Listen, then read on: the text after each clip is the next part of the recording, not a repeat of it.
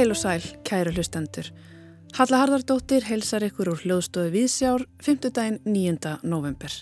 Og það er hljómsveitin Ati Hátja sem að opnar þáttina þessu sinni. Hljómsveitin er nýkomin heim úr tónleikaferðalægum Evropu þar sem að þeir fóru í stúdjó og tóku upp nýja plötu en hennar er að vænta á næsta ári. Hljómsveitin stefnir á að halda sína síðustu tónleika árinu í Bæjarbíjói í næstu viku. Og hún mun fylgja okkur eitthvað áfram í þætti dagsins sem er stútfullur af nýjum íslenskum bókmentum. Tauga trjágróður nefnist nýjútkomin ljóðabók aðalheðar Haldósdóttur, dansara, leikonu og danshöfundar. Bókin er heildræn frásögn sem að fylgir sögumann í eins konar göngutúr þar sem að leita er svara við hennum ímsu spurningum um eðli tilverunar. Við ræðum við aðalheiði um bókina í þætti dagsins. Í miðju köldu stríði öttu fulltrúar stórveldana kappu um heimsmeistaratitil í skák í smáborginni Reykjavík. Sigurvegarinn, ungi, var sérvitur en egnaðist þó vinskap heimafólks sem löngu síðar bjargaðu honum úr ógöngum. Svo hljóðar lýsing á nýri skáldsögu Einars Kárassonar heimsmeistaranum. Við fáum ríni í hana í þætti dagsins. Samfélagsmiðlar, þráhyggja, karóki, einelti og neistu tilvera okkar eru þræðir sem að tengjast í nýjustu skáldsögu Irsu Þallar Gilvadóttur. Rambó er tíndur. Bókin fjallar um söndru, kennara sem elskar að versla á bland og syngja í karóki og ferðala hennar inn í samfélag hundafólks á internetinu. Irsa segist vera á nýjum slóðum í þessari bók en áður hefur hún gefið út þrjár sjálfstæðarskálsugur og bókaflokk fyrir börn. Við ræðum við Irsu í þætti dagsins og fáum að heyra brot úr Rambó er tindur. En við hefjum þáttinn á ljóðum.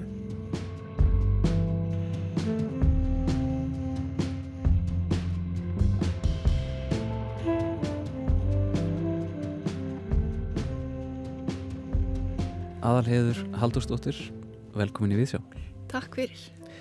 Og uh, til hamingi með bókinni þannig að tauga trjá gróður. Já, takk fyrir það líka þetta er bók sem er kannski, kannski erfitt að koma aðeins orðum að um hvað hún er. Mm. uh, hún fer svolítið út um allt en þetta er einhvers konar leit fannst mér allavega, það er einhvers konar aðal persona sem maður fylgir í gegnum all, allt verkið sem svona ferðast á milli fólks og á í samtölum um tilvistina, langanir. En svo umhverjast tekstin oft á svona skapandi hátt og jafnvel stríðin hátt fer niður einhverja rángala í, í margar mismunandi áttir. Um, getur þú byrjað að segja mér bara kannski svona hvaðan kemur þessi teksti? Já. Ég sem sagt reyni að skrifa er sem sagt mér finnst mjög gaman að skrifa bara svo kallið spunaskrif. Af því að ég verði eiginlega hrifnust af því sem kemur upp úr mér þáleðina en ekki að setjast niður og búa til plott og hugsa út söguþráð og ég ætla að skrifa um þetta og eitthvað svona. Og svo, svo hérna leiðir efniviðurum minn bara eitthvað áfram en svo svona auðvitað fara að byrtast einhverju þræðir og einhver lögn og, og, og nokkri þræðir eru það fyrir mér sem að liggja í gegnum bókina og svo reynir maður að styrkja þá og draga það fram og undirbyggja og svo framveist þannig að fyrir mér er þetta ótrúlega skýrt mm -hmm. e, og kannski það sem ég ótaðist að þetta væri bara ofskýrt eða eitthvað. Það mm -hmm. er abstrakt dansara listamæðurinn í mér vil alls ekki hafa hlutina of einhvern veginn, ég veit ekki, eitthvað mm -hmm. svolítið. Og, og, og þetta er mitt svona hverfis kannski um einhvern veginn samtöl sem eru reytuð svolítið eins og, og svo leikrit og svo er farið inn í, inn í mér í svona ljóð. Um, þetta er uh, ekki stíl sem við sjáum einhvern veginn hverstaslega í ljóðbókum, hver, hver, hvernig verður þessi ákverðin til? Ég held að sé bara því að ég er Ég er ekki búin að vera að skrifa text að gefa út bækur sem ég var tvítug sko. Ég er bara búin að vera inn í, upp á sviði inn í leikúsi að vinna, vinna öðruvísi að þú veist, öðruvísi listformum og þannig. Mm -hmm. Og þú segir að þarna séu eins og leiksenur og ég hafi bara ekki hugmynd um það að þú myndi sjá það. Eða mm -hmm. það myndi þetta bara ekki eins og í hug. Mm -hmm. En það eru auðvitað bara einhver svona, maður eru auðvitað mótaðar af, af, af sko uppeldinu eða þú veist, þessum heiminn sem maður er búin að vera í. Mhm. Þannig að þá kom allt inn einhverja leiksenur sem, já Já og þú, þú ert að koma úr um, dansi og, og, og leikritum að ykkur leiti. Uh, þú hefur verið bæði dansari og danshöfundur og sviðsreyfingahöfundur. Hvernig er einhvern veginn að stíga uh, frá þeim heimi og inn í, inn í síðan ljóðið? einmitt. Það gerðist svona nokkuð árinslu löst og þetta var ekki eitthvað svona nú ætla ég að færa mig um braut eða eitthvað þannig. Ég vissulega hætti, var fastar á nýjísleika dansfloknum í, í langan, langan tíma, 15 ára eða eitthvað og þá einhvern veginn finnur hvað sem þetta er sem er innum manni, það finnur sér bara einhvern annan farveg eða eitthvað og það var mjög, mér er alltaf þótt uh, gott að sýtast nýra og skrifa og ég gert það í mörg ár, einn fyrir sjálf á mig og bara oftast öruglega hundlega texta og eitthvað svona. Svo er ég kannski bara búin að vera að gera miklu meira að því undarfærin ár. Ég fór í bókmyndafræðina í háskólan e, þegar ég hætti í dansloknum og elska að vera þar. Ég hef alltaf lesið mikið af bókum og þannig, e, þannig að þetta var bara, þetta gerðist, eitthvað, þetta gerðist bara einhvern veginn. Maður bara einhvern veginn flýtur áfram eins og eitthvað, ég veit ekki. Mm -hmm. og, og, og ljóðið svona um, sem miðill, uh, hvað Hvað finnst þér, hvað svona ert að sækja í hann um, svona, með kannski dansinn til samaburðar? Já, það er náttúrulega eitthvað, um, ég hef smekk fyrir ljóðrænu í skáldskap bara yfir höfuð, það talar til mín að lesa bækur sem er með ljóðrænu. Þá, ég, þá þýn ég sjálfur mér og fer á flug og fer inn í einhver, einhver svona fegur, sko. Og dansin er það kannski og dansin er líka svo mikil tónlist einhvern veginn og þetta uh, get, sko það ljóðið getur verið bókstælegt, júvisulega, en Það getur líka verið abstrakt eða bara draga upp mynd af einhverju hugsun eða einhverju tilfinningu eða á þess að segja heila sögu endilega eins og skáltsagan er kannski. Mm -hmm. Þannig að það kannski liggur beinast við að ég fari þangað. En hefur þú verið að Eh, skrifa prósa líka? Já, já, já, ég gerir það fullt. Og ég held að margir af þessum textum byrjuðu þannig, bara sem spunaskrif sem örðu eins og, og smásugur og svo, að, svo sko, fór ég að sjá allt í einu einhverja tengingar á mill einhverja texta og svo bróð ég að þeim saman og svo meitla maður það til og grísjar úr og eftirstendur einhver klausa og svo einhver setning. Svo fyrir maður að tengja og einhver tíma gerði ég allir að þessu að því mér fannst ég verið að sjá eitthvað þráð byrtast og ég byrjaði að skrifa og ræða saman og svo var mér bara hálf flögur þá því að mér fannst það eitthvað alveg glata og tilgerðalegt og ég ekki þú líki tilgerð eða ég, ekki sjálfur mér allavega mm og svo, svo kom ég aftur að því einhverju síðar og þá snýri upp á eitthvað og breyti eitthvað svona da-da-da og þá allt í hennu fór þetta að liggja og svo bara einhvern veginn, þú veist og þegar maður er komin á þann stað þá fyrir mér þá bara maður dottinn einhvern veginn á stað og þá bara myndur þessu áfram á þess að maður sé endilega einhvern veginn að leiða eða eitthvað þannig mm. maður er bara eldast við eitthvað og eitthvað þá er þetta bara eitthvað svona leikur og mikið njót í því eða honum. Þannig að í þessi tildegna bók Tauga trjá gróður um, hún kannski hún byrjar ekki sem ein, ein, einhvers konar manifesto, þú ert meira að veginn samþætt eitthvað og kannski á lífrannan hátt þá. Já, ég held það alveg örgla, en þetta er alveg þetta er auðvitað alltaf svona einhver mín hughrif af heiminum og hérna og einhver, einhver heimsmynd sem að þú veist blasur í mér eða og þetta er vissulega eins og ég segi þetta er um nokkru þræðir, einn er leit að einhverju, þetta er einhvers konar stöðumat kannski á mínu lífi eða eitthvað. Sjálf nærist ég mjög mikið á samtölum. Það er svona eitt uppáhalds eitt upphaldsmitt mm. setjast niður með einhverju manneski og ræða þetta, ræða lífið eða listina eða eitthvað. Mm. ef það er líka einhvern veginn einlegin til þess að varpa fram hugsun eða láta hann að lenda á annari manneski eða eitthvað, ekki það að það er svo sem í raun og verið ekkit mikið samtal. Það er eiginlega meira að hitta stefnumót og svo hlustar hann bara á, eða ég held það Já. svona eftir áhyggja mm -hmm. Já, samtalið fannst mér um þetta það er oft uh, svolítið svona kveikin af því sem kemur síðan Já, uh, já vex upp úr því eitthvað. Já, einhver, einhver, já, um mitt verður einhver skilningur eða eitthvað eitthvað, eitthvað nýtt búsluspill í einhverja mynd eða eitthvað þannig Ertu til að gefa okkur smá forsmekk af þessum texta? Já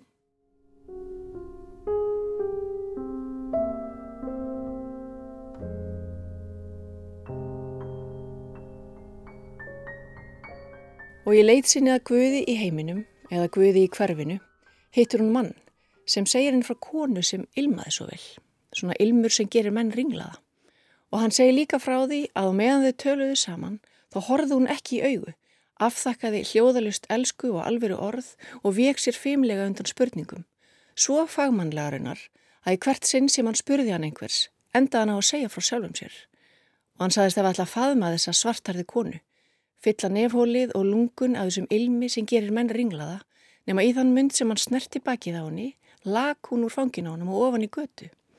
Þessi kona var nefnilega ein af þeim sem er sápa, hrópar hann upp yfir sig, fljótandi handsápar sem streðar í sífelli við að halda formi sínu. Hún sem þráði ekkert heitar en afmörkuð skil á milli sín og heimsins, Týndi sjálfur sér í lofum landsmanna og hvenna á tími mikill að handþóta. Hún elskaði hvað allir voru gladir að sjá hana og þykja, hjælt hann áfram, en svo þynduð hann út með vatni og skóluði að lokum út í sjó. Hvílik örlög, rópa maðurinn, hvílik örlög tekur konan undir á gangstétt. Aðeins ilmjörnafinni satt eftir, eða allavega þanga til þér greipu næst í bensíndælu, eða fengur sér að geta, eða skýta. Alveg ferlegt, alveg ferlegt, svarar hún. Kanski tekst henni að saminast sjálfrið sér í sjónum, segir hún. Smala saman ögnunum og móta í sína mynd. Daga svo uppi sem urtubarn á útskýri, hafmeja með tindrandi skýrar útlínur. Kanski, svarar hann. Trúur þú á Guð, spyr hún. Ég bara manna ekki, svarar hann og lítur upp í heiminin. Lítur og leitar. Sama gerir hún. Það er ekkit grín að vera ský, segir hann svo. Fólk dæsir þegar þú mætir, kætist þegar þú leitur ekki sjá þig. Ég myndi flytja til útlanda ef ég væri ský. Flytja á stað þar sem fólkið er þreytt á sólinni. Og svo hvaðjast þau, heittast í augunum eitt andartak og þar með ber hún hann líka þennan, þunga á sér og svo litið þreytt á því. Og í þreytunni, leitinni að guði og þvíillu sér hún hvernig hár þessara konu, vilt og svart, vex eins og þari af þessu skeri, ofan í sjó og fráði í allar áttir, læðist upp í fjörur og snertir tær í flæðarmáli. Þannig getur hún tengst fólkinu, mynd á sig en verið áfram í sinni fullkomnu mynd.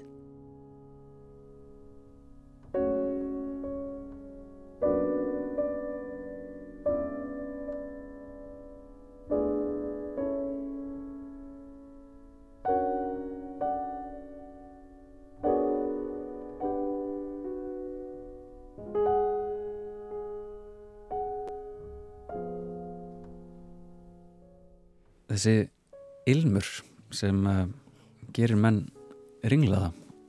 Ertu með eitthvað, eitthvað ilm í huga? Í maður með sko ég er eiginlega með fyrirmynd held ég af þessari konu einhvers þar og ilmurinn er kannski stendur svolítið fyrir bara einhver svona hughrif og tilfylningur sem að fólk skilur eftir sig held ég, meira heldur en ég sé með eitthvað sérstaklega ilm í huga. Og, og þessi kona hún einmitt með þessum manni og svo, svo, umbreytist í eitthvað svona hafveru, þetta er svolítið góðsögulegt ertu, ertu að sækja mikið í, í góðsögur eða, eða, eða óvít eða eitthvað þannig? Ég, eins og ég segi þér þá hérna, þá bara auðvitað lendir er það ekki, allt sem er í bankanum allt sem maður hefur lesið einhver tíman það bara er það einhvers þar og kemur og maður sækir þær myndir, það er ekki svona nú ætla ég að vitna í hérna eitthvað tiltekið mm. eða þetta er rosalega óintellectual hjá mér held ég. En þetta er samt einhvern veginn, mér finnst svona þráðurinn sem að ég, mér fannst ég skinnja í gegnum þetta verk var eitthvað svona, svona, já, svona tilvistar kláði ekkur um, löngun til þess að svona skilja eða allavega velta fyrir sér og, uh, og síðan kannski döiðina eitthvað leiti er, er, er ég á réttum slóðum? Já, ég held að hann sé þarna blessaðu kallin mm dauðin, þú veist, ég kynntist honum sem barn snemma og hann hefur svona kannski alltaf verið svona með svona sterka narveru kannski í mínu lífi fyrir vikið að missa fóreldri þegar maður er lítið barn sko. þannig að það væri eiginlega bara skrítið ef hann væri ekki þarna einhvers þar að þvælast með En þetta er mitt líka kannski þessi svona, svona löngun til að skilja eða eitthvað, eitthvað svona leit, er það ekki? Jú, ég held að það sé alveg reynu þetta er, þetta er leitað einhverju og þess vegna fer fer maður stundið mjög göngutur fer í einhvern svona leiðangur til að leita einhverju hvort það er heima á sér upp í sofa í hausnum á sér eða gungutúrum hverfið og maður leitar svara, jú þetta er einhvers konar, allir þetta sé ekki bara einhver svona portrétt af einhverju svona einhverjum tímapunkti, eitthvað stöðumat eitthvað svo leys mm -hmm. Og þessi titill uh, Tauga trjá gróður uh, hvaðan kemur hann? Hann er raun og verið kom bara einhvern tíman í skrifum hann er einhver staðar inn í bókinni og ég sótti hann bara Mér finnst uh, persónulega ósvæmlega erfitt að finna titla og hefur alltaf þótt að mikið vandaverk. Og þetta var eitt orðunum sem ég sótti og er náttúrulega kannski ísandi fyrir þetta er svolítið mikið tilfinningarlífi að, að þvælast og fletta sér sama við aðra og, og veit ekki einhvern veginn hvar maður endar og einhver annar byrjar eða þú veist þetta er svona eitthvað svo leys Algjörlega, já einmitt konan sem verður sápa sem við heyrðum hérna aðan og, og svo, svo er konan hann sem er eiginlega halv orðin tré það er einhvern veginn mörkin milli líkamanns og, og heimsins er svona, svona mástæðis út mm -hmm. og, og, og tauga trjá gróður einmitt, þetta er samrunni mm -hmm. einhvern veginn en, en það er mikil, einmitt, mikil svona tilfinning, einmitt, fyrir göngutúrnum svolítið mm -hmm. í mhm. þessari bók og uh, og svo, svo endar hún einhvern veginn á þessum stað það sem að kannski það það er kannski ekkit engin svona stór niðurstað lit til lykta en, en maður fór samt í einhvern veginn stort ferðalag. Já, ég vildi það ekki sko, en það, það kemur aftur þetta einhver ótti við að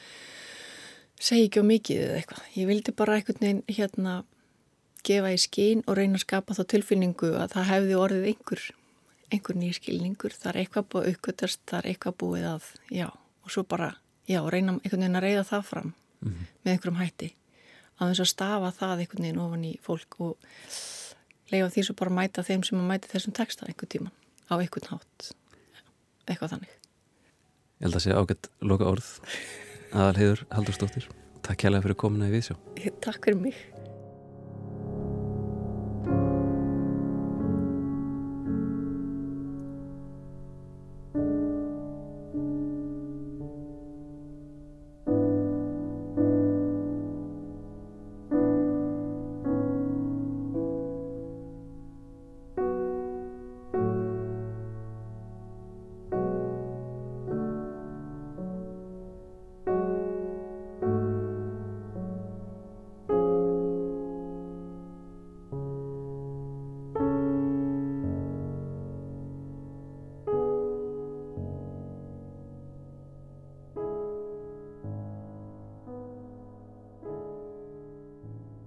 Tómas rætti hér við aðaleiði Haldórsdóttur. Tónlistin í þessu einslægi var leikin af Davíð Þór Jónssoni, tónverkið nefnist Sorgin Sigrar Haminguna, en það er hluti af listaverki eftir Ragnar Kjartansson sem að kemur stuttlega fyrir á síðum ljóðabókarinnar Tauga trjá gróður. Og við höldum áfram með bækur í þessum þætti, það er komið að Gretu Sigriði Einarsdóttur sem að þessu sinni rínir í nýjustu skáldsögu Einars Kárassonar, heimsmeistaran. Þegar bandaríski grínistinn John Mulaney hætti með konunni sinni urðu margir aðdáðundur hans fyrir vonbröðum. Í því sem hann sagði upp á sviði benti fátt til annars en að hann væri hamingjusamur í sambandinu og sáttur við það að þau hjónin hefðu kosið að eignast ekki börn. Það kom því flatt upp á marga þegar uppkom stuttu setna að hann ætti vona barni með leikonunni Olivia Munn. Gatt verið að hugulegi grínistinn sem kom alltaf á svið snirtilegur til fara hefði haldið fram hjá konunni sinni. Í kjölfarið af því sem margir aðdáendur upplýðið sem personuleg svik komst enska orðið parasósial á margra varir, hugtak sem þýtt hefur verið sem hálf félagsleg sambönd. Eitt dæmi er þegar skemmtikraftar sína áhörvendum ákveðna útgáfu af sér. Fólk myndar tengsl við ofinberu personuna og það getur verið sárt að komast að því að raunverulega manneskjan á bakvið ímyndina er ekki eins og gert var ráð fyrir. Nýjasta bók Einars Kárassonar, Heimsmeistarinn, á ímislegt sameigilegt með nokkrum síðustu bókum hans, Þungum skýjum, Stormfuglum og Opnu hafi. Þetta eru stuttarskáldsögur eða nóvelur sem byggja á sögulegum atbyrðum í Íslandsögunni, en höfundur tekur sér heilmikið skáldalefi. Heimsmeistarinn bregður hins vegar út af uppskriftinni á afgerandi máta. Fyrri bækurnar þrjár fjölluðu um stórslis á sjó eða landi. Í heimsmeistaranum er harmleikurinn óáþreifanlegri og mannlegri því sagan fjallar um sérsina skákmeistara sem brent hefur flestar brýra baki sér. Hann er fættur og uppalinn í bandaríkunum en er meinaður aðgangur að landinu í dag. Þegar allar dyr verðast lokaðar býðst honum ríkisborgararéttur á Íslandi fyrir tilstilli gamals vinar. Það er fleira í sögunni sem sveipar til lífs bandaríska skákmannsins Bobbys Fissjar sem endaði æfi sína hér á landi. En sagan er þó líkt og fyrri skáldsögur einar sem byggðar eru á sögulegum atbyrðum, einmitt það, skáltsaga. Einar leikur sér þó á mörgum sannleiks og skáldskapar og skáldaði skákmaðurinn fær aldrei nafn. Sagan er sögð í fyrstu personu og í henni er fyrst og fremst kafað í hugarfylgst sérstaka skákmannsins sem fengi öruglega einhvers konar greiningu í dag. Hann er reyður út í allt og alla og heldur sig hafa mátt sæta yllri meðferð. Þegar sagan hefst er hann stattur í Japan en þarf bráðlega að koma sér í burtu þaðan. Hann myndi vilja fara til bandaríkjana en þar býður hans dómur fyrir glæp sem sögumadur telur reyndar helberan miskilning og vittleysu. Önnur lönd eru honum einni lokuð því þar er þið hann fljótt framseldur til heimalandsins. Atverðar á sögunar er í raun svo líileg að manni þætti jafnvel nóg um ef þetta hefði ekki allt saman gerst í raun og veru. Jafnvel frá sjónarhóli skákmannsins kemur ímislegt spánst fyrir sjónir, bara eins og það að hópið manna sé svo and um skákeinvíi sem átti sér stað fyrir mörgum áratugum að hann sé tilbúin til að leggja á sig ímislegt og reyta jafnvel stórþjóð til reyði til að koma gömlum sérvidringi í öruga höfn. Sér í lægi manni sem hefur komið sér út í kuldan hjá flestum sinna gömlu vina með því að auðsa stanslaust upp úr sér gýðingahatri og formælingum í garð samlanda sinna og setja fram fáránlegar kröfur. Í sögunni er stanslaus spenna mitti þess hvernig Íslandingarnir og skák unnendur heimsins vilja að mistarinn þeirra sé innrættur og hversu illa hann kemur fram, aftur og aftur. Hann skilur sjálfur ekki hvað þessi hópur vill með hann hafa og þrátt fyrir að hann sé oftast á villigötum í heimsínsinni sér hann þarna skýrar en aðrir. Einn helsti styrklegi sögunar liggur í karaktersköpuninni. Satt best að segja leist mér ekkert á fyrstu blaðsíðunar. Þegar líður þó á bókina byggir höfundur upp mynd af manni sem er brjóstumkennanlegur í hatri sínu, hlægilegur í mannvonsku sinni og dregur alla niður í kringum sig. Þetta er önugur karlföskur. En ólíkt því sem maður á að vennjast úr bandariskum bíómyndum þá er ekkert hjarta úr gulli, bara kargur gamall kall. Ímynd snillingsins vekur nægilega aðdáun úr fjarlægð til að fólk hinum einn á hnettinum sé tilbúið að bjóða honum heim til sín og kalla hann einn af sínum. En ólíkt því sem þau vonast til reynist hann ekki ljúlingurinn við beinið, heldur er hann óalandi og óferjandi.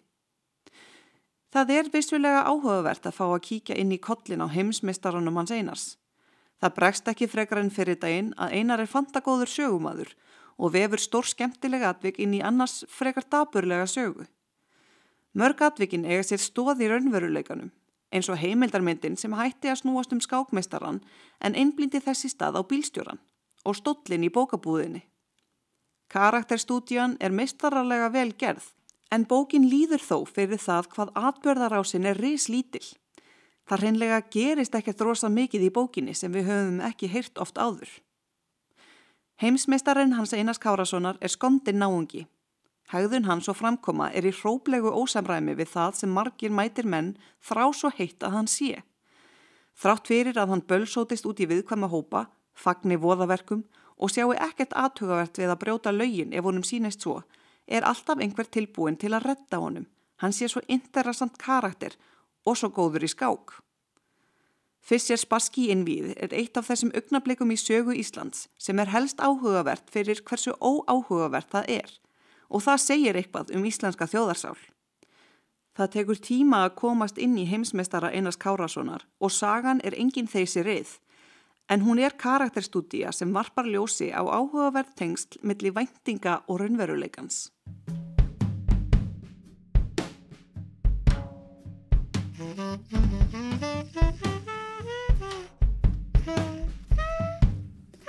Greta Sigriður Einarstóttir fjallaðum heimsmeistaran, nýja skáldsög eftir Einar Kárasson. Og áframhaldum við í bókmyndunum, næsti gestur okkar hér í Víðsjá er Irsa Þöll Gilvadóttir. Irsa var að gefa út bók sem að kallast Rambo er tindur og þetta er grátbrósleg saga af söndru sem alveg óvart en líka þöksi örlítilli þráhyggju verður hugfangin af myndalegu manni í heillandi lópapeisu sem vinnur á sorpu.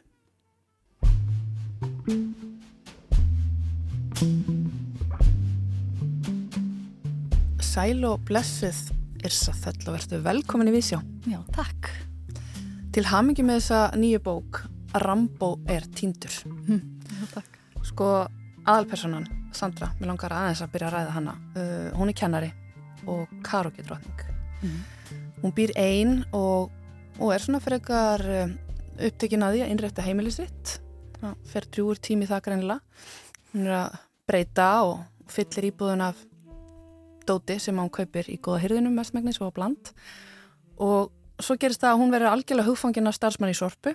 Hún er leifi og kemst að því í gegnum Facebook að hann á hund sem heitir Rambo og svo týnist hann og þá hefst eitthvað ferðalag þar sem að, já ferðalag sem að kynna okkur betur fyrir Söndru. Mm.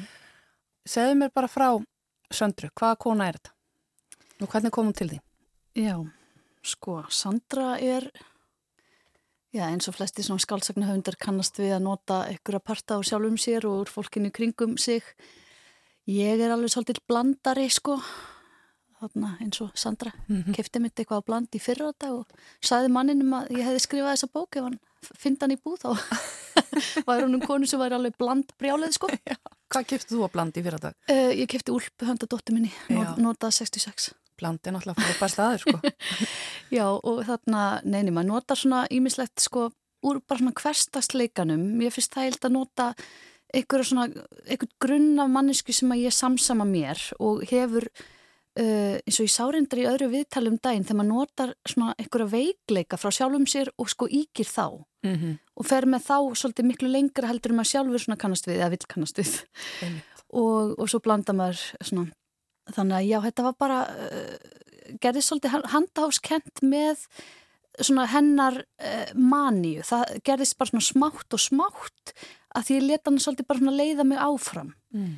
uh, þannig að hún blandviðskiptin reyndist vera bara svona frábær stökkpallur til þess að einhvern veginn veita einsinn inn í hennar baksögu, inn í hennar persónleika kaupsíki, að svala sko einhvern svona skamtíma Eh, gleði eh, svona, mm -hmm. já, svala fíknum sínum í rauninni. yeah, og hún er svolítið gefinn fyrir það svona þessi skamtíma gleðihormón sem að skapast af, af bæði því að sofa hjá einhverjum á barnum og sem hún þekkir ekki neitt og kaupa eitthvað og mm -hmm. losa sig við eitthvað, kaupa eitthvað nýtt og, og svoleiðis. En er ekki kannski alveg að rekta nógu mikið svona langtíma hugssjónir Einmitt, nákvæmlega Það virðist líka vera hún eigi svolítið sko eigði tíma á blandinu og í samskiptum við fólk þar vegna þess að hún er líka í grunninn innmanna.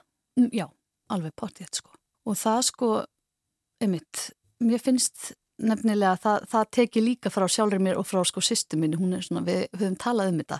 Þegar maður fer og kaupir eitthvað hjá einhverjum eða einhver kemur heim til manns, þú veist það verður til eitthvað svona moment, það sem þú kynnist manneskunni og ert alltaf inn að fara að tala um eitthvað, já, ert þú frá Júkoslavi? Já, ok, en, en merkilegt, hvaða landi fyrir um Júkoslavi? Já, ok, og þú veist það verður alltaf inn eitthvað svona og svo ertu bara búin að segja blessu manneskuna en þið áttu þarna eitthvað moment mm -hmm. í smástund mm -hmm. þannig að hún svona hún er búin að gefast upp á því að einmitt, rækta langtíma sambundin að því að það er alltaf eitthvað slemt sem gerist en svona þrýfst svolítið á þessu mm -hmm. veist, við heldur þá þeirri hugmynda að hún sé uh, skemmtileg og, og, og gefandi manneskja sem að, veist, fólk hafi ykkur, já, ég veit ekki nota af eða, eða veist njóti samvista við hana í, í stuttastund Hún getur gefið af sér Já um eitt. Mér finnst eitt áhugavert í þessari bók. Flest all samskipti á milli fólks fara fram í heimi neyslunar. Það er sko fólkar hittast á blandinu mm. og í krónunni og í kringlunni og í sorpu. Já, eitt. Það er allir eitthvað meina neyta eða henda. Mm. Þannig að er þetta eitthvað svona meðvitað eða? Sko já og nei og það er kannski það er nú einhver samskipti líka sem gerast í skólanum að því hún er kennari á þarna svona uh, unglinga unglingadeild grunnskóla. Og barnum reynda líka. Já, barnum, já, já, það er nú nýsla líka. Mm -hmm. En þarna, en þú veist, það er kannski einu svolítið eftir að grunni bókarinnar sem að var sko allt önnur saga sko. Það er alveg sjúklega að fyndi að við skoða bara svona umsokk mín um listamannlaun fyrir svona þreymur árum. Mm. Þá lagði ég upp með að skrifa svona climate fiction bók. Ég ætlaði að skrifa loftslags bók. Og ætlaði að skrifa um kennaran Söndru sem færi á loftslags ráðstefnu í, í Karabíska hafinu. Og færi þarna með sko samkennara sínum sem að uh, hún eh, yrði svo eitthvað viðriðin á, á meira en bara faglegan máta. Og þau yrðu innleiksa í, í hitabeltistormi og þyrtu að þarna standa vörðum um svona lindarmál sitt að vera að sofa hjá og halda fram hjá og svona leggja það okkur af vogarskálar uh, gegn sko henni svona yfirvofandi ógn sem var sko fellibilurinn og, og svona hamfara línun þannig að það var einhver saga sem ég ætlaði að skrifa og var að reyna rosalega mikið að skrifa. Og þú veist og þarna átti að vera eitthvað svona svolítið komist kontrast á millið þess að vera eitthvað svona velmeinandi kennari sem að er búin að þú veist menta sig í grunnþáttum mentunar og kann utan að alla, allt lingoði kringum sjálfbærni og þú veist sjálfbæra mhm. mentun og eitthvað. En samt eftir komin þarna einhverju flugvel til einhverju karabískru eigi þú veist, mm -hmm. þú mhm. að pdf-i mm -hmm. en svo bara gekk mér ekkert að skrifa þessa bók og bara það þarf einhver annar að skrifa svona bók mér bara, hverju mótnið ég settist að reyna að skrifa hana þá bara leittist mér. Mm. Þannig að þá hendi henni eiginlega bara í rusli, sko, þá komið alveg, alveg svona vætskamtur af, já, kannski mm -hmm. svona 30-40 orðið eitthvað sem er svona nóg í kannski nóvelu eða eitthvað og bara fór eiginlega allt í rusli og ég gemdi eitt kabla og það var þegar Sandra fer á sorpu, bara rétt áður hún fór til útlanda. Já. Og þá hugsaði ok, hér finnst mér ennþá skemmtilegt. Gáum hvert hún leiður okkur mm -hmm. þessi típa. Þarna var eitthvað kveikja að þessari konu sem er aldrei þversaknakent og, og svona breysk, Já. mjög svo. Sko annar staður það sem að samskipti fara fram sem er enda líka neysla og hálgjört markastorg er mhm. náttúrulega mm -hmm. samfélagsmiðlanir. Já. Og það er svona auðvitað hinþráðurinn og mér finnst virkilega skemmtilegt hvernig þú notar hundasamfélagi til að spegla þennan mm -hmm. heim Já. sem er mjög trakískur en líka svo komiskur. Já, þetta er sko eins og við vitum all, þá veist, eru samfélagsmiðla svo ótrúlega yfirdrifin heimur, þú veist, hann er svona fullur af einhverju bæði sko yfirbórsmennsku og svona síndargæsku og sko svona merkingu, alltaf svona sjálfsmerkingu og, og maður sér það svolítið núna í, í þú veist, þegar það kemur ykkur svona hræðilur viðbyrðu hvort sem það er stríðið í, í Palestínu eða, eða bara einhverju hamfarir eða eh, morð eða, eða einhver, já, bara jarðskjálti eða fleira þá þá er þetta svona leið til að merkja okkur um að við séum veist, meðvitið og við sínum að við séum eh, meðvitið um hluti og okkur standi ekki á sama.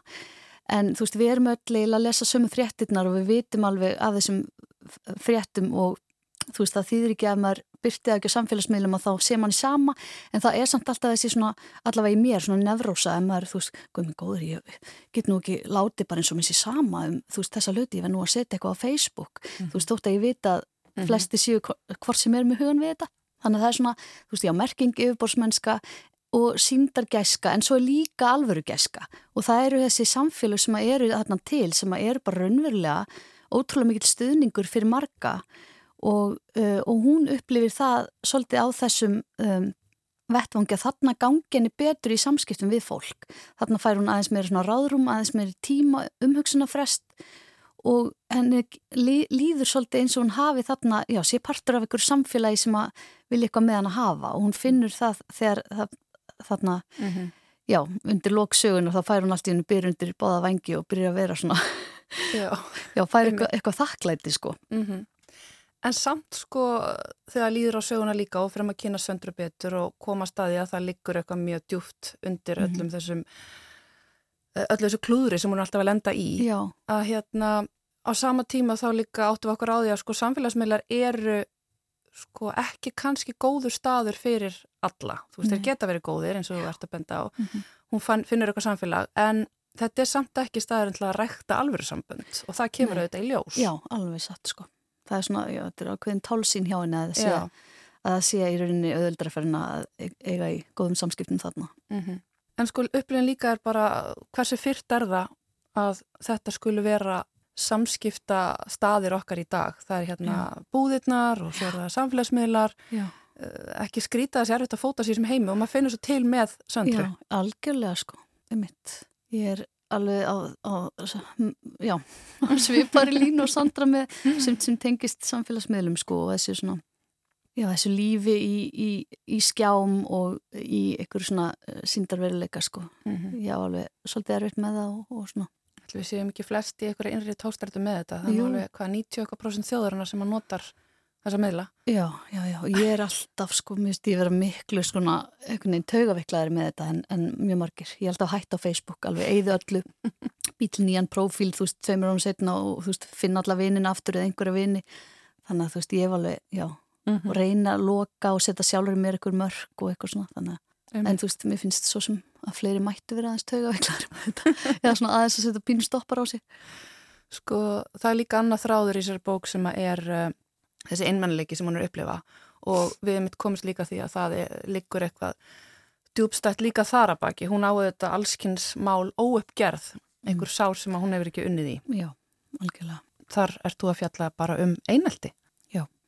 Einmitt. Þannig að það kemur svona svolítið ljósi í gegnum þessi bland viðskipti hennar að þarna dúkar upp uh, einelti saga úr fórstíðinni mm -hmm.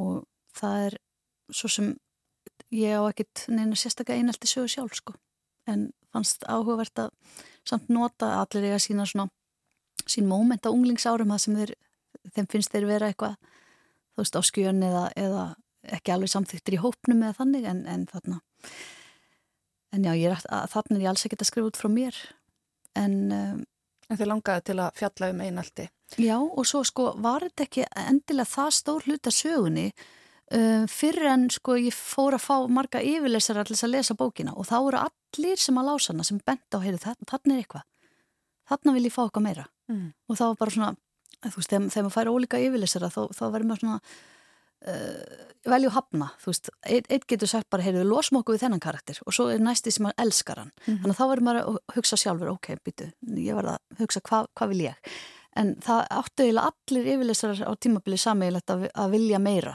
og mm. vilja eitthvað svona aðeins skeignast inn í hennar fortíð og inn í þessa sögu, þarna væri eitthvað sko -hmm. þannig þá vildi ég bregðast við því -hmm. Já, maður upplifar að þarna sé líka einhver svona komin ástæði fyrir auðvitað hennar svona þráhyggjukendu höðun sem að, sem að eru auðvitað bara svolítið svona bannvenn blanda í, mm. í sambandi við líka sko þráhyggja pluss samfélagsmiðlar er eitthvað sem fer ekki saman. Nei, nákvæmlega.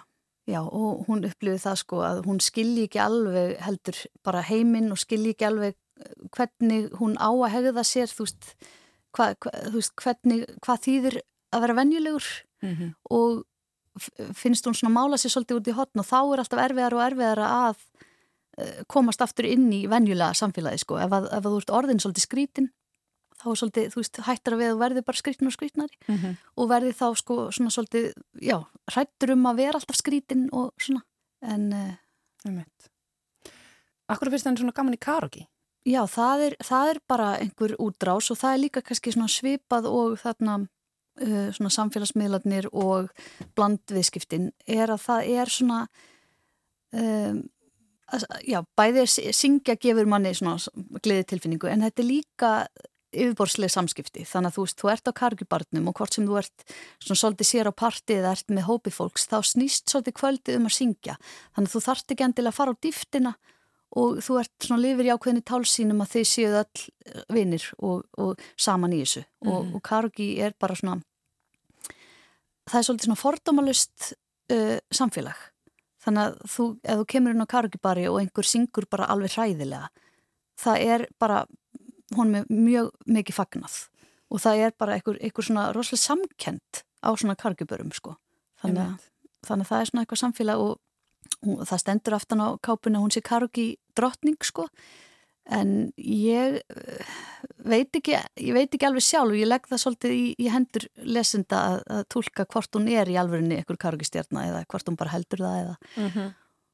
en allavega fílar hún það. Mjög mikið Hún er alltaf þannig persóna, hún Sandra, að maður veit ekki alveg hvar maður hefur hana heldur sko, þetta mm. með þetta sko, er hún drottninginni mitt eða mm. ekki, Já. en svo kveiknar einhver næsti þarna líka á barnum við hitt ástarfiðfang bókarinnar mm sem að er Birkis mm -hmm. og hann er líka doldið áhugaverð persóna mm segð mér að frá Birki Já, Birkir er bara þetta svona mótvægi við klikkunina og hann, hann er svona fulltrúi hins eðlilega og, og bara svona virkilega djúbstæða góða einhvern veginn og hún því miður er bara of skemmt til þess að bera almennilega kennslu á það hvað það geti verið gott fyrir hann að vera með honum.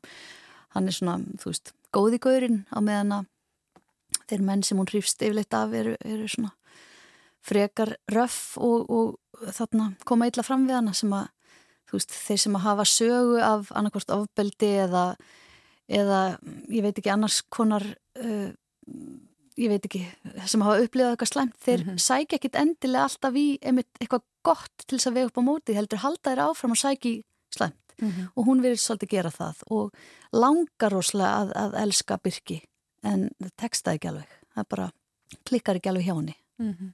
Einmitt Mér finnst þú verið að fjalla um svona graf alveg mál -hmm. á mjög svona aðgengilegan hátt Já, Já Hvað segir það? Já, algjörlega ég nefnilega þegar bókin var svona næstuði tilbúin þá vissi ég ekki alveg hvernig bóki væri með þú veist, hva, hvar, þú veist er þetta tragikómedi það, það sé komst næsti og þannig að við settum aftan á um eitt kápuna sko, hún var grátbrósleg sem er svona kannski góð lýsing á, mm -hmm. á sögunni það er ansið mikið af svona komískum uh, bútum í henni en það er mjög dimmur, myrkur undir tótt sko. Mm -hmm.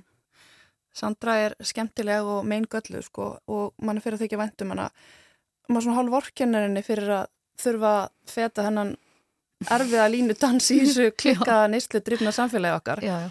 og sko mann finnst hún bara eiginlega mann finnst hún eiginlega eiga betra skilið bara. Já, já, nefnilega sko, ég mitt, já ég Ég bara er með pínu afnæmi fyrir því bæði að sko útskýra baksjögu of mikið og að láta hlutina enda of vel. Þannig að það er bara því miður svona örlög minna söguhittja er að skilja þær eftir svolítið í lausu lofti. Já, ég, ég fílaði ekki sjálf þegar eitthvað er nýtt of, of vel svona Nei. í endan sko. Nei. Og einmitt eins og varst að segja aðan með, með baksjöguna og einelti að útskýri svona hvernig, hvernig hún er í dag þá var ég samt alveg ótrúlega mikið á bremsunni með það sko þú veist, ég vildi alveg geta svona hintaða hinn og þessu og ég myndi reyna að gera það í þessum svona glefsum mm -hmm.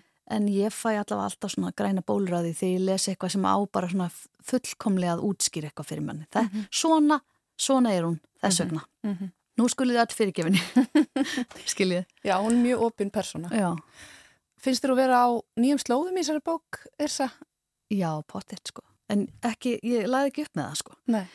Eh, eins og ég sagði hann með þarna bókin sem ég ætlaði að skrifa þá uh, þú veist, átti hún bara að vera uh, þú veist, ákveðin ákveðin hátt og þá átti að vera eitthvað svona konsept og svo bara virkaði ekki fyrir mig að skrifa konceptbók. Og ég átti svo sem alveg að vita það því oftast hef ég ekki gert það.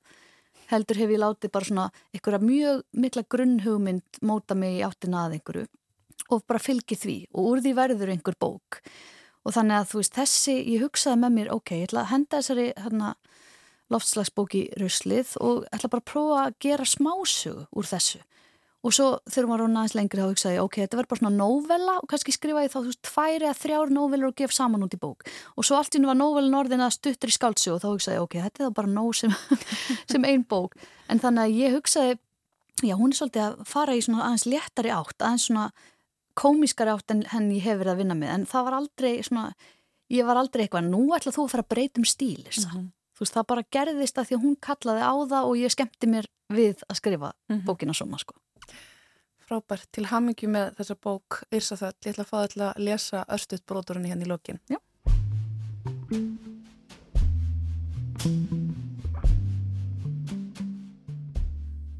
Sandra var búin að kenna í dag, var með plönum að slappa af, opna kannski bjór og rótast fyrir fram á sjónvarpið en þá sá hún í spjallinu að Leifur var búin að melda sig í leit dagsins í elli ártalunum.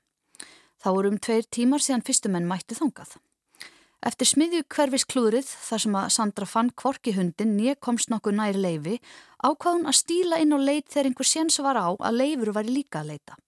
Og það virtist vera núna, svo hún brunaði upp miklu brutna. Sangant spjallinu voru nokkri staðsettir neðist í dalnum við Reykjanesbrautina og undirgöngin yfir í Fossvógin Aðrir voru kringum gömlu rafstöðinu og upp með ánni. Sandra laði frá sér síman, brunaði upp í árbæ, laði bílnum hjá árbæðasafni og ákvaða lappa niður með ánni.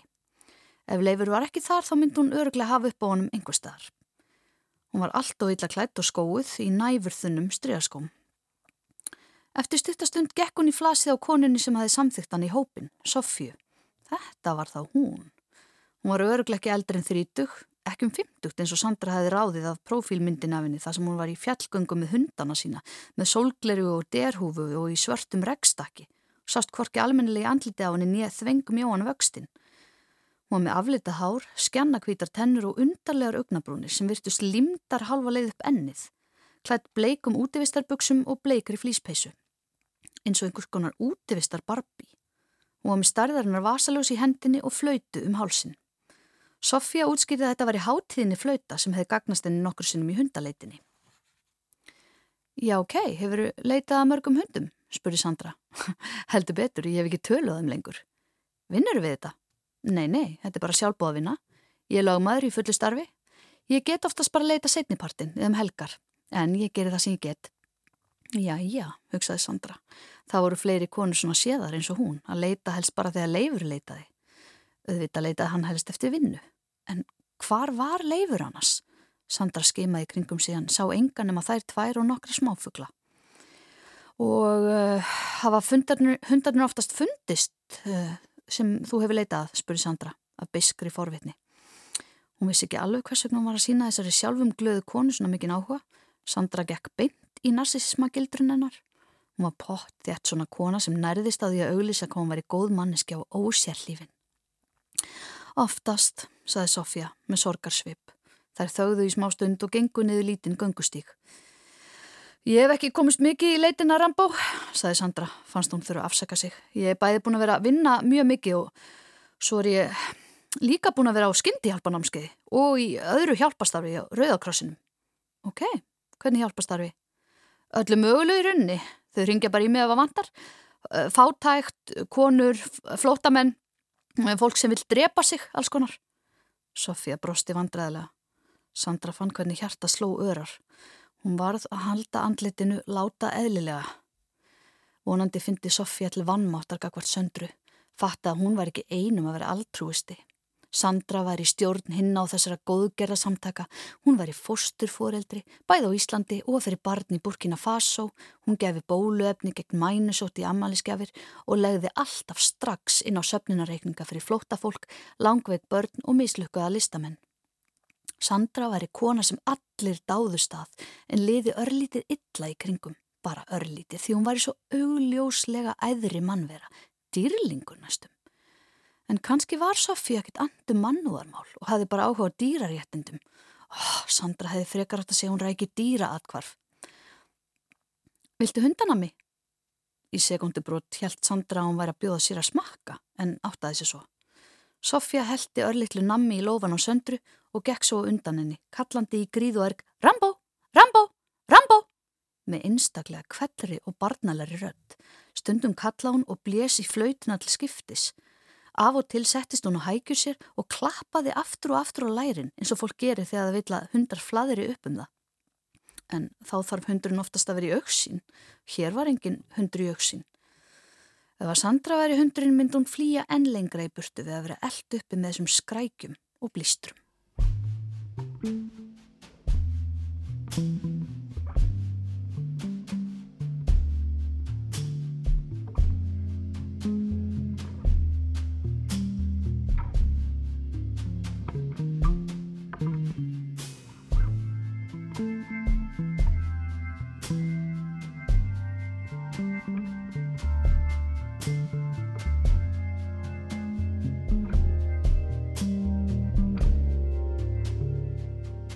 Írsa Þöll Gilvadóttir las úr nýjútkoman í bóksinni Rambó er tindur og það komið að lókum þáttarins í dag við ljúkum honum líkt og hann hófst á tónlist með hljómsveitinni Adi Hátti sem heldur um í tónleika í Bæjarbíjói í næstu viku. Þetta er lagi Pappi af blötinni Adi Hátti 8.